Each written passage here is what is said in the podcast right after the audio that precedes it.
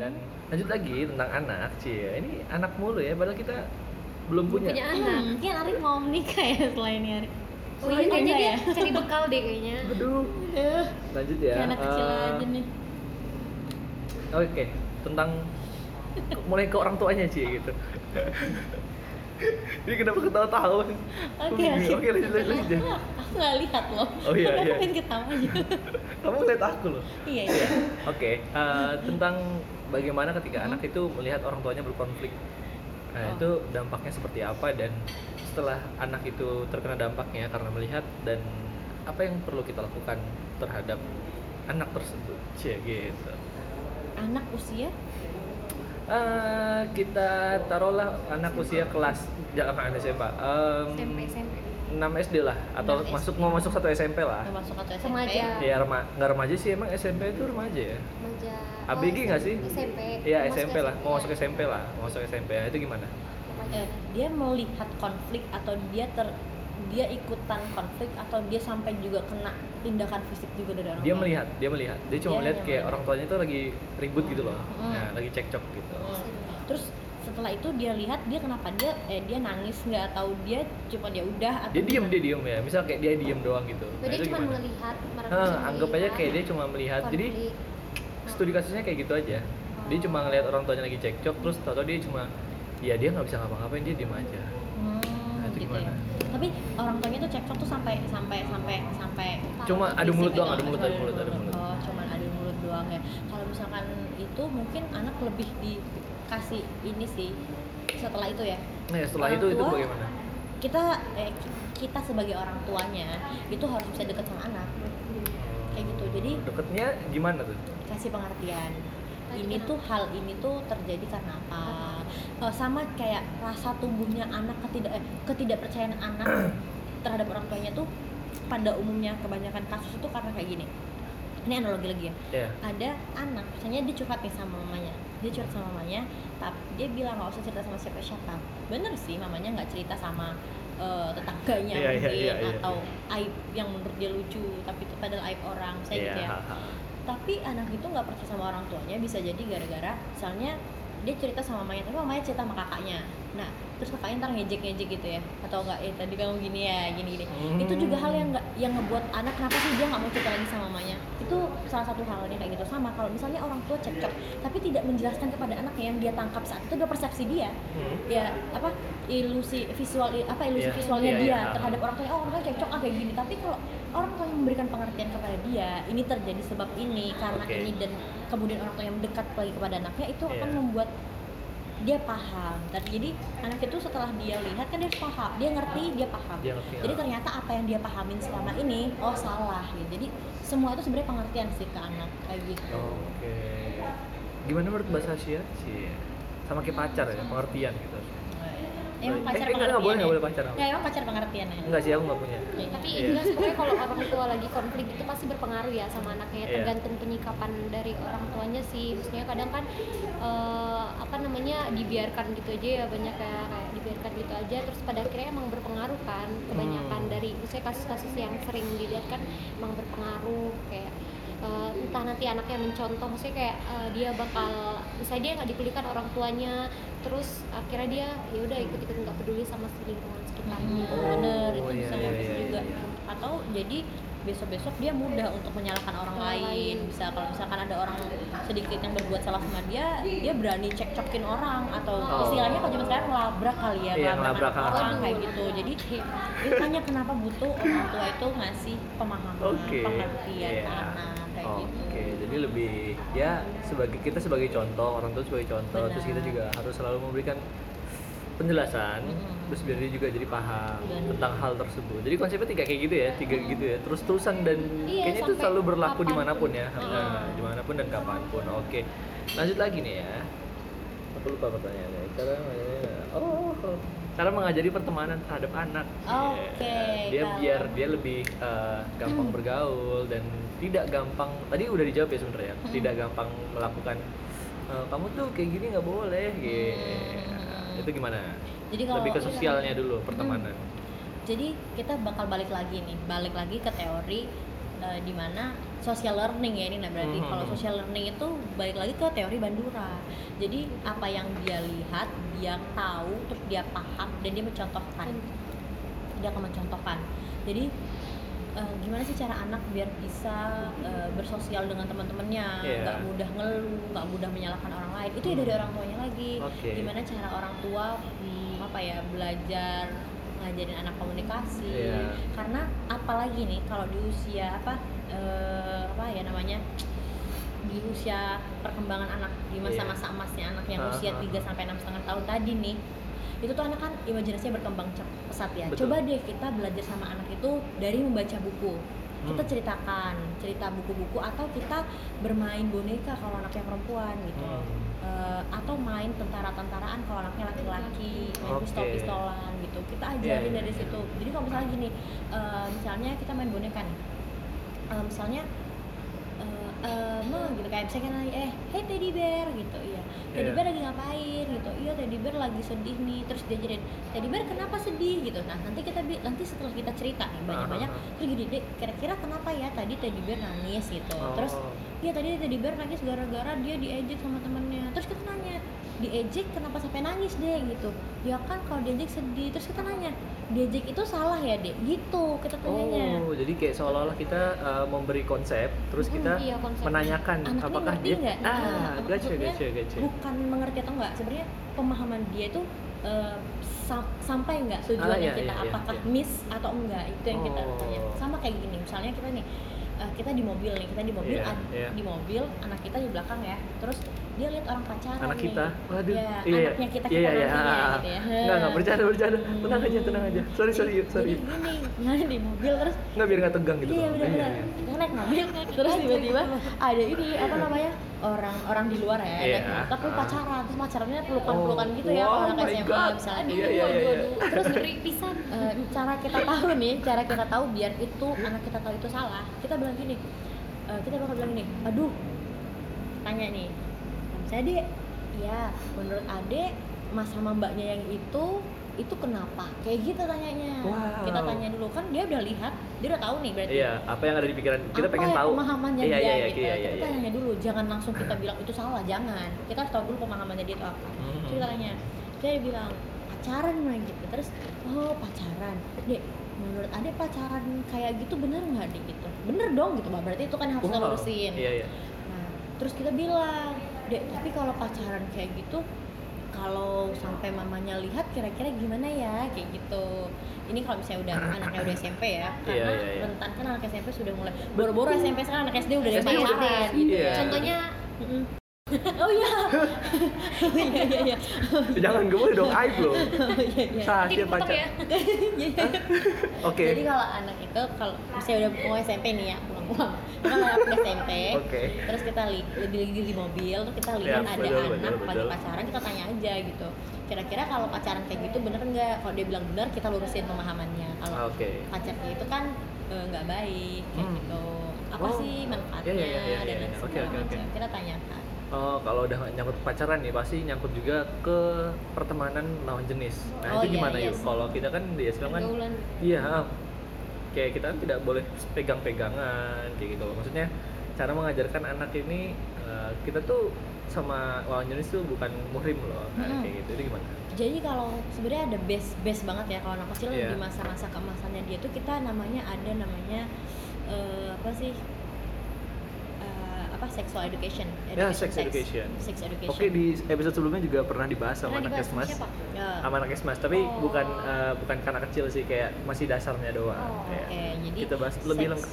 Iya, sex education itu perlu. Maksudnya sex education itu bukan gimana caranya apa dan segala macam Iya, enggak ya. kan karena artinya seks itu kan seks itu alat kelamin, Iya, bukan? Iya, bukan. jadi mungkin dari kecil tuh sekarang ada ya, mungkin lagu-lagu yang ngajarin anak Hmm. kalau misalkan eh, bagian apa aja sih yang boleh disentuh sama orang lain gitu. Oh, Terus kalau iya. dokter tuh ngapain aja kan kalau dokter kan kan tuh pasti anak nanya lo orang lain dokter kan orang lain dokter tuh pegang ini mah pasti beda Ah, iya, iya, gitu ya. betul, betul, betul. Nah, tapi kalau dokter kan beda. Nah, kita kasih pengertian. Kalau misalkan ayahnya itu boleh pegang bagian mana aja, ibunya Hmm. boleh pegang mana aja. Kalau orang lain cukup di bagian apa. Terus kalau Oke. dipegang orang lain bagian ini, kita harus marah. Kalau anak kecil udah tertanam konsep kayak gitu, Wow, dia iya, besar iya, dia iya, nggak iya. bakal, meskipun itu pacarnya dia nggak bakal boleh kayak gitu untuk dia udah punya apa sih borderline dia sendiri dia punya Iya, iya, konsep iya, iya. mindset di otaknya Betul. kalau oh nggak boleh nih meskipun lu pacar gue nggak boleh nih kayak Punya gitu. prinsip istilahnya gitu ya. dan di usia 3 sampai enam setengah tahun itu ada namanya aku lupa nama teorinya tapi dia bakal menganggap bahwa eh, orang tua yang lawan jenis itu adalah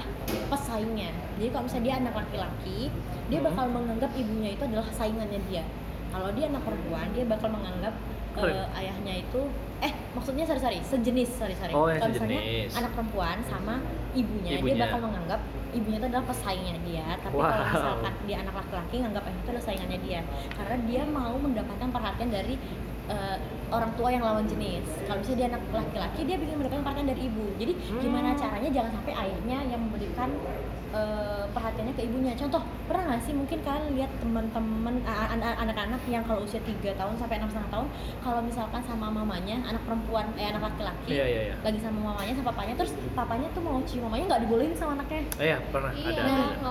Kalau kalian tahu Sabiru, nah itu ada videonya. nah iya bener banget sama Oh. anaknya Ringo Agus Rahman kan juga gitu Oh, Nah, itu kan video anaknya ya. laki-laki.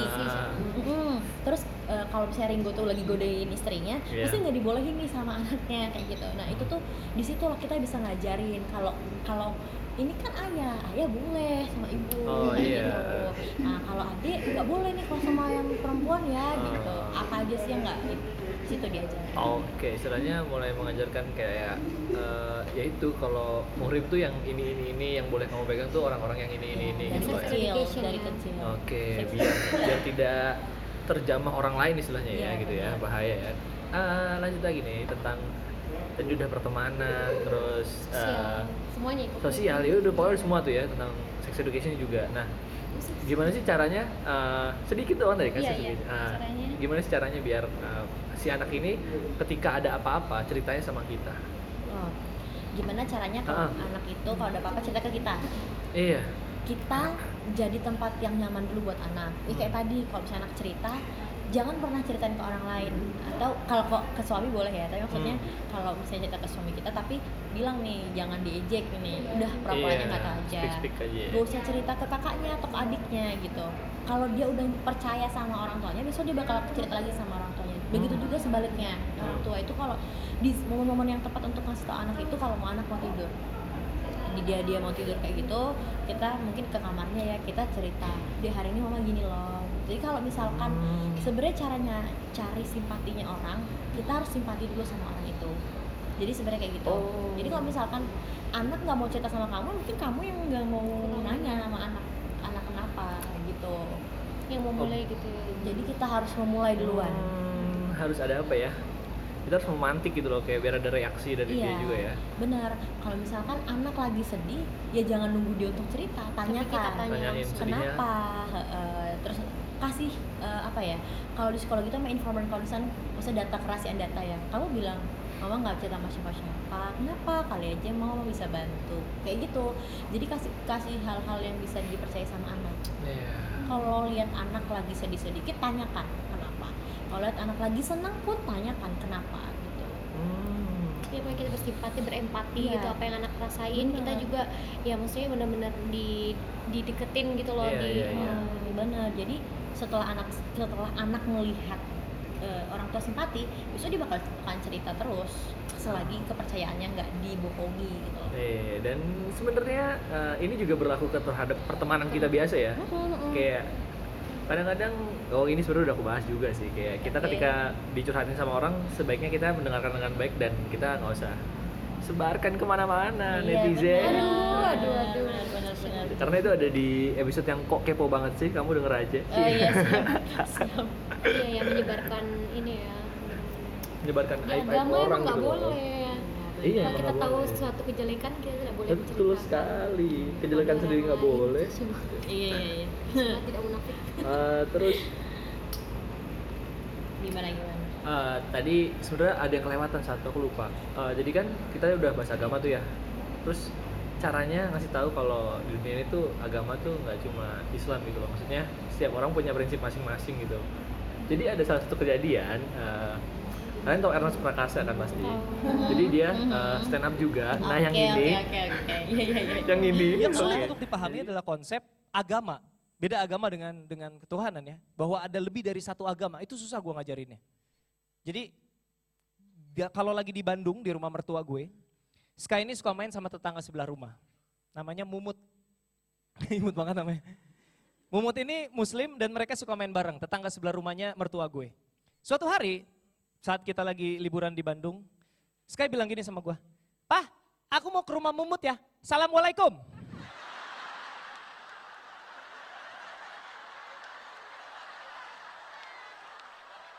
Eh, Han, anak kita mualaf, kamu tahu nggak? Nah itu gimana sih cara mengajari konsep kalau kita tuh berbeda-beda gitu. Mhm. Sebenarnya sih kalau kalau ini sebenarnya ya base Iya, iya, ya kalau ha, di, ha. di Quran kan sebenarnya ajaran yang paling benar tuh Islam. Jadi Betul. gimana caranya kan kita ngajarin anak ya gitu ya sebenarnya. Iya, Cuman kalau kalau- misalnya ngajarin anak di lingkungan yang nggak mungkin kan sepenuhnya tuh Islam. Betul Jadi betul. kita nggak bisa memaksakan semua orang untuk jadi orang Islam. Betul. Iya. Meskipun dari lahir mereka udah Islam gitu loh. Iya iya. Jadi eh, cara menghargainya itu dengan cara yang sama. Kita belajar mungkin dari metode bercerita dari Hmm. sama anak kecil. Mungkin kalau kalau ini ya teman-teman bisa lihat mungkin IG-nya Retno Hening yang punya anak namanya Kirana. Kirana. Iya itu lucu Nah, banget ya. heeh, itu kan Lucu dari banget. kecil heeh, dia diajarin kalau eh, ber apa Dalam eh, di di apa namanya di dunia ini tuh nggak cuma hanya satu, Satu. agama gimana sih cara ngehargain orang lain itu dari bercerita misalnya kalau lagi orang Cina sembahyang jangan diganggu begitu juga nih misalnya Mbak Kirana Mbak Kirana kalau lagi sholat kalau diganggu marah nggak gitu Hmm. Marah gitu. Kenapa marah? Nanti sholatnya kan jadi nggak khusyuk katanya Iya. gitu. Terus oh jadi kalau misalnya ada orang yang beribadah beda sama Mbak Kirana Mbak Kirana eh, gimana dong responnya? Ya udah Mbak Kirana diam aja. Pasti anak bakal kayak gitu. Kalau anak nggak ngerti berarti kita kasih tahu. Jadi besok kalau temen dia cerita tuh misalnya kita harus tanya nih. Nah. misalnya anak kita mulai sekolah ya. Kita nanya temannya di sekolah namanya siapa aja? Hmm. kayak gitu. Ntar dia cerita nih oh orang mana? Gitu. Rumahnya di mana? Gitu tadi oke. sholat nggak gitu. Kalau sholat dia juga akan bilang enggak dia nggak sholat. Dia ngapain? Dia sembahyang. Mama pasti nanya tuh sembahyangnya kok kayak gitu ya? Nah dari hal itu kita bilang iya sembahyangnya Hmm. gitu karena beda agamanya. Agamanya apa? Kayak gitu. Kita jelasin orang Cina Oh. begini dan dari situ kita harus menghargai. Kalau kita nggak mau diganggu orang lain kita nggak boleh ganggu orang lain. Kayak gitu sih lebih cerita cerita aja Oke, menurut pandangan Mbak Sasya sih. By the way, telepon nih, ntar lu ya. Iya makanya. Oke, lanjut lagi. Tadi apa? gimana Mbak Sasya tanggapannya tentang eh, toleransi tadi? Biar anak tuh mengerti kalau Iya kalau setiap orang tuh punya prinsip masing-masing, punya agama masing-masing. Iya kalau pas ya kalau kecil tadi ya benar sih bercerita segala macam gitu ya. Tapi kan kalau misalnya nanti dia udah udah gede kan pasti dia Hmm. belajar se- sendiri ya, pasti mencari tahu dan emang kalau bisa sih orang tuanya emang kalau dia udah ngerahin dari kecil gitu efeknya nanti malah pas besar kan dia jadi maksudnya lebih lebih apa ya? Jadi lebih memahami perbedaan juga lebih bisa bisa mencari tahu gitu loh Ya. kayak uh, lebih bisa menguatkan agamanya dia sendiri gitu loh. Iya, oke, biar bukan istilahnya malah menyalahkan Iya, betul betul betul jangan jangan sampai menyalahkan gitu ya. menyalahkan dia menyalahkan Ayu ya oke siap lanjut ya Eh, kalau zaman sekarang ini kan tadi udah bahas ini ya Retno Hening ya si Kirana tadi yang anak kecil yang cukup ini ya menjadi sorotan di Instagram. Sangat sangat. Sangat menjadi sorotan di Instagram. Oke ini salah satu fansnya mungkin ya Fans, langsung fans. membela gitu. Jadi eh, biasanya kita kalau di Instagram juga sering melihat anak kecil yang diajarin kayak bahasa Inggris. Nah itu gimana pendapatnya kalian berdua tentang anak kecil yang dia tuh masih istilahnya ya terlalu cepet gitu loh buat belajar bahasa Inggris menurutku gitu. Oke, jadi kalau belajar bahasa Inggris itu nggak salah ya sebenarnya. Iya. Yang salah itu adalah mewajibkan anak harus bisa bahasa Inggris itu yang jadi sulit. Karena kalau anak bisa belajar bahasa soalnya eh, ketika kita mungkin kalau bisa bahasa Inggris itu malah memudahkan anak loh. Kalau hal-hal dasar sih, mungkin Iya. kayak warna, kayak anak-anak Oke. udah mulai tahu red, blue, yellow, hal-hal yang basic banget itu nggak masalah buat anak. Yang mungkin salah itu kalau usianya masih kecil tapi kita udah pokoknya adek harus bisa minggu ini uh, one to ten kayak gitu. Wah, udah siap, itu siap, itu siap, yang nggak boleh. Tapi kalau misalnya anak emang kepo emang Hmm. bisa belajar dan jadi caranya gini misalnya ada teddy bear sama Annabelle ya. Beda banget tiba sangat jauh ya horor dan funny gitu. Teddy siap bear siap dan siap. Annabelle. Oke. lagi main bareng-bareng nih kayak gini. Uh, hello how are you? Gitu. Terus si Annabelle bilang kamu ngomong apa? Gitu. Terus dia cerita how are you? Itu halo apa kabar? Kayak gitu. Hmm. Tuh, jadi anak tuh diajarin dari hal-hal yang simpel. Jadi jangan Yeah. jangan how are you? Ayo artinya apa? Apa kabar? Pokoknya besok harus tahu ya. ditembak, langsung bener ditembak ya. Tahu ya. Siap, apa kabar tuh how are you? Besok kalau mau tanya pokoknya harus tahu. Itu itu Oke. yang yang itu memberatkan anak. Oh, semua oke. pelajaran gak sih kayak gitu ya? Iya, jadi jangan hal cuma hal simpel kok. Hmm, menarik ya, ini menarik ya. Mungkin ini sebagai pertanyaan terakhir, Ci. Eh, gimana sih kita menghadapi seorang anak yang dia sudah mulai frustasi akan kehidupan? Tanya kehidupan Ya, jadi kayak, dia, dia, dia tuh stres gitu loh, stres. Anggaplah biasanya kan kalau anak-anak kan lebih ke sekolah ya kak.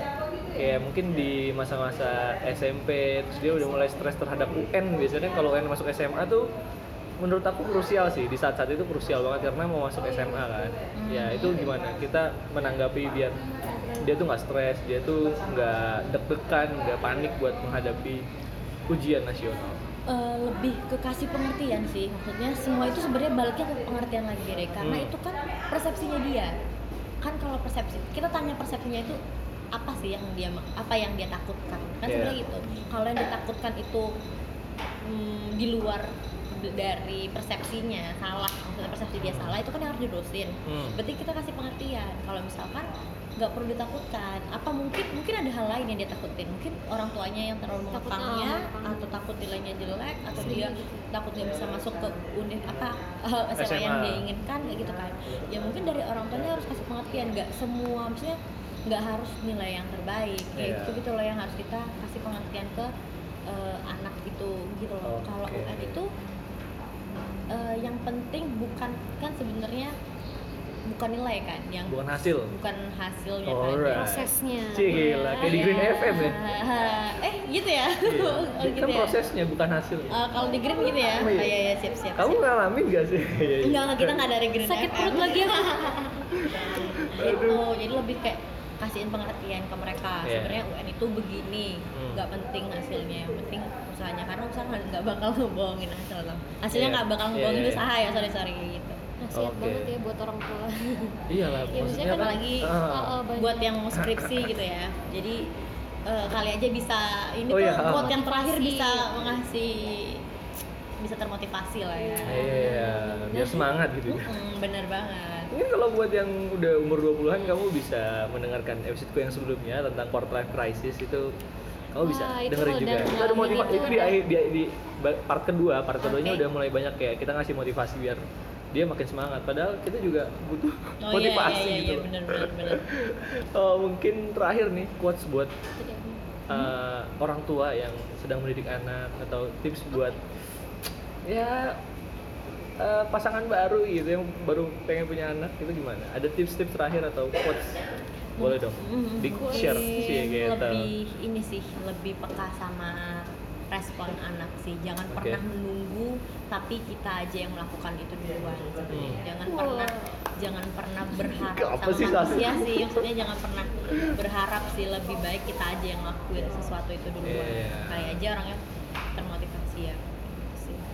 Ya pokoknya eh, kalau bisa kan tadi ya udah ada kiat-kiat gitu ya dari Mbak Ayu gitu ya itu diterapin terus kalau Oke. aku sih ya pokoknya eh, kita eh, apa sih namanya harus lebih mencontoh yang baik duluan kayak kita dulu lah yang yang duluan yang ngapa-ngapain ngapa-ngapain Iya. melakukannya baru istilahnya itu biar bisa direkam sama anak kita gitu ya walaupun kita belum punya anak sih ya Iya, iya, iya. ya terus Rencana pokoknya kapan besok? Oh enggak ya? aduh Ayu dulu deh nggak apa-apa ah ya amin Oh iya iya, benar benar Iya, benar benar. pengen, pengen, Oh pasti. pengen ya, oke. Siap siap pengen siap.